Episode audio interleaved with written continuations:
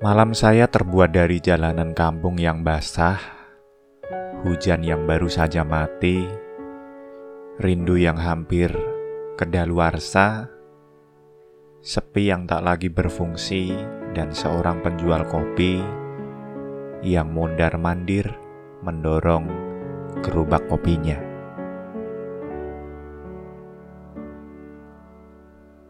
Sendok kopi memukul-mukul cangkir kopi, dan suara kopi memantul-mantul di jidat para penggemar kopi yang sedang berjuang melawan kantuk dan lupa.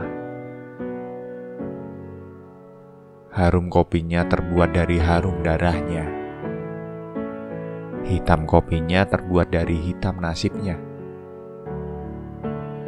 Ia masih muda, sekian tahun yang silam diambil negara di sebuah huru hara dan sampai sekarang masih dicari-cari oleh ibunya.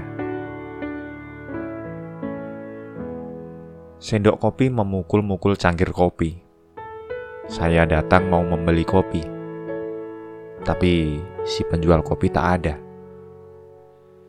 Saya hanya bertemu dengan gerobak kopinya. Saya hanya mendengar suaranya.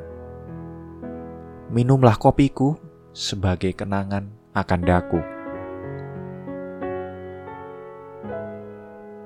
Malam saya terbuat dari jalanan kampung yang basah, hujan yang baru saja mati, dan seorang ibu yang berjalan sendirian mendorong gerobak kopi anaknya. Selamat malam, Bu. Semua kopi menyayangimu.